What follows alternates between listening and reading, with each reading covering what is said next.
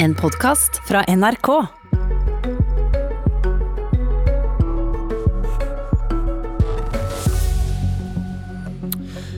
Den langvarige debatten om Nicolai Tangen påvirket omdømmet til Norges Bank, har finansminister Jan Tore Sanner sagt.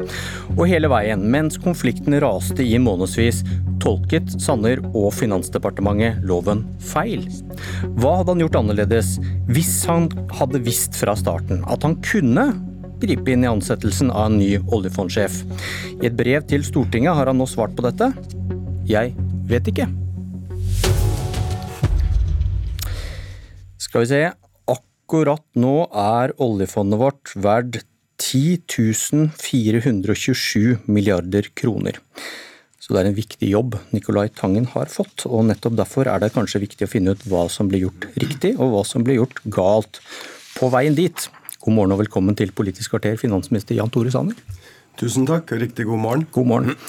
Eh, Stortinget ville altså fjerne mulige interessekonflikter mellom en oljefonds private investeringer og oljefondets investeringer. Og Nicolai Tangen svarte da, som vi husker til slutt, med å kvitte seg med alle sine aksjer. Og har nå startet i jobben.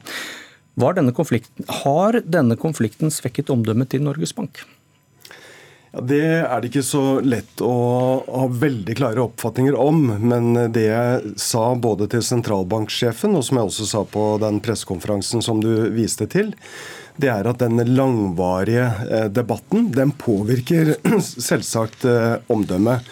Og du så mente kanskje ikke at eh, det ble styrket? Så legger jeg til, til grunn at når man nå har funnet en løsning og Tangen har begynt i jobben, eh, så påhviler det alle et stort ansvar eh, å styrke tilliten og sørge for at vi bevarer tilliten til så viktige samfunnsinstitusjoner. Har du bidratt til å svekke omdømmet til Norges Bank? Ja, Det får egentlig andre vurdere. Jeg har vært veldig opptatt av å opptre ryddig og innenfor de formelle rammene som gjelder i, i denne saken. Eh, og Jeg har selvsagt som finansminister lagt Finansdepartementets vurdering av sentralbankloven til, til grunn. Det er Finansdepartementet som har ansvaret for loven. Det er Finansdepartementet som har utarbeidet loven. Eh, og vi har lagt til grunn at eh, hovedstyret skulle ha eneansvaret for ansettelsen. Du skylder på de under deg i Finansdepartementet? Nei, det gjør jeg ikke. Det er jeg som har ansvaret. Det er jeg som er finansminister, og jeg har ansvaret for alt som gjøres i Finansdepartementet. Du og Finansdepartementet tok da feil hele veien. Dere mente at du ikke kunne gripe inn i ansettelse av Tangen. Lovavdelingen i Justisdepartementet mente til slutt noe annet. Eh, hva hadde du gjort annerledes hvis du hadde tolket loven riktig i mars, i mai eller i juni? Nå er det ikke fullt så enkelt som det du gir uttrykk for. Eh, hvis du ser på Lovavdelingens eh, utredning, så er den heller ikke helt entydig. Mener du den, den vurderingen ikke endret handlingsrommet ditt? Jo, hvis du bare lar meg snakke ferdig.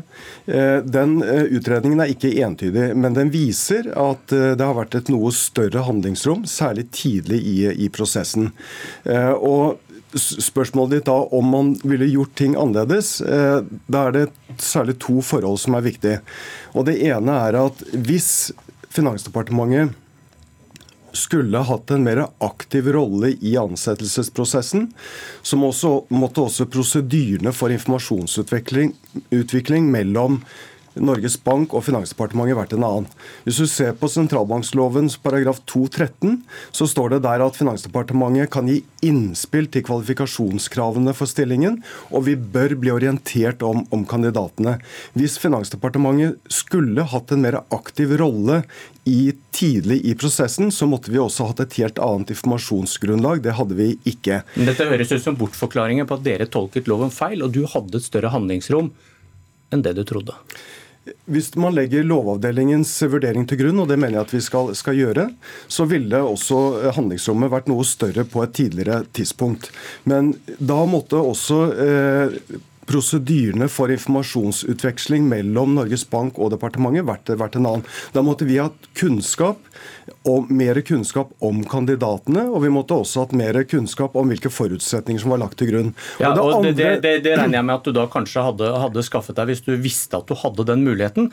men Gitt at du er mot, og har vært mot, at du skulle ha denne muligheten til å blande deg inn. Det var intensjonen bak loven, som du nå har svart eh, Stortinget og sagt tidligere også. Hadde du benyttet av den hvis du hadde hatt den? Du er jo imot det? Da, da, måtte vi, da måtte vi hatt helt andre prosedyrer. Ja, men Snakk om din egen vilje, da, ikke prosedyrene. nei, eh, men det er faktisk viktig fordi at jeg er finansminister, og jeg må forholde meg til de formelle eh, rammene, og jeg må opptre ryddig i dette. Og Det er også et annet aspekt, og det er at hvis Finansdepartementet hadde grepet inn, så ville det også kunne reist spørsmålet om tillit til hovedstyret, som hadde ansvaret for, for ansettelsen. Diskusjonen har gått på om de hadde eneansvaret, eller om de bare hadde ansvaret. Eh, hvis jeg hadde grepet inn i, i, ansettelsesprosessen, så kunne de også eh, reist spørsmålet om tilliten til hovedstyret. Eh, og da kunne vi gått inn i en situasjon som også kunne vært mer alvorlig. Og da sitter du vel egentlig og sier at selv om jeg hadde visst at jeg hadde denne muligheten, så hadde jeg ikke brukt den. Nei, det er ikke det jeg sier. Eh, det jeg sier, det er at hvis handlingsrommet skulle vært større, så måtte det også vært helt andre prosedyrer. Min, konklusjon, min konklusjon på dette det er at Finansdepartementet ikke har lykkes godt nok i å overføre det som var intensjonen med lovarbeidet, til forarbeidet og selve lovteksten. Og Derfor har jeg allerede varslet at vi både må se på hvilke læringspunkter har vi i denne saken. Hva kunne vi gjort bedre? For man kan alltid gjøre ting bedre. Og jeg har også sagt at vi må se på selve loven og formålet med, med den. Og Bak disse fine ordene, hva forteller dette her om lovarbeidet deres, når dere ender opp med å få dere får nærmest strykkarakter på at du, du kunne gjøre noe du trodde du ikke kunne gjøre? Ja, Det som er helt åpenbart, det er at eh, Finansdepartementets intensjon med loven den har man ikke klart å overføre til forarbeidene og til eh, selve lovteksten godt nok. Det er ditt ansvar? Det er mitt ansvar. Jeg var riktignok ikke, finansminister på det tidspunkt, men det er mitt ansvar. Eh, og Derfor så har jeg også varslet at vi må se på loven på nytt. Og Da ønsker jeg både å se på rammene for Finansdepartementets involvering i ansettelsen. Men jeg mener vi også må se på selve loven og hvordan den, skal, eh, hvordan den skal være fremover. Da må vi trekke lærdom av den prosessen vi nå har vært igjennom. Og det er ikke sikkert at Eh, konklusjonen da blir at, at hovedstyret skal ha gjenansvaret. Det vil en ny prosess kunne bringe klarhet til. Vi skal komme tilbake til det. Hadia Tajik, du sitter i finanskomiteen for Arbeiderpartiet. God morgen til deg også. God morgen. Eh, hva tenker du om svaret du har fått fra Sanner? Jeg tenker at Nå er det dokumentert at grunnen til at finansministeren forholdt seg så passiv gjennom hele prosessen, det er at han hadde lagt feil lovforståelse til grunn. Det er grunnen til at eh, ansettelsen av den nye oljefondsjefen ble såpass dramatisk som den etter hvert ble. Eh, og man hadde ikke trengt å havne der. Finansministeren sitter jo altså her i studio her nå og sier at eh, handlingsrommet hans ville til og med vært større tidlig i prosessen. Så den passiviteten han har utvist, har òg gjort handlingsrommet stadig mindre. Og jeg syns det er helt rimelig å spørre at hvis en finansminister er bekymra knytta til ansettelsen av en oljefondsjef den 23. mars, for det er han altså, han formidler det til Norges Bank, Hvorfor foretar han seg ingenting for å følge opp den bekymringen helt fram til 31. august? Men er det så rart at de som har laget loven, de har en intensjon med loven, tror at de tolker loven riktig? Er, så, hadde, er, du helt sikker på at du hadde klart å gjøre det annerledes? Altså Når en finansminister er bekymra, eh, så er det jo all grunn til at finansministeren skal finne ut hvilket handlingsrom har jeg for å følge opp den bekymringen. Og Det er klart at det er jo en, fortsatt en viss avstand mellom det å ta opp telefonen én gang og formidle bekymringen til Norges Bank, og det å instruere Norges Bank så hardt at uh, man begynner å stille spørsmålstegn ved tilliten til hovedstyret, som jo ser ut til å være Jan Tore Sanders sin bekymring her.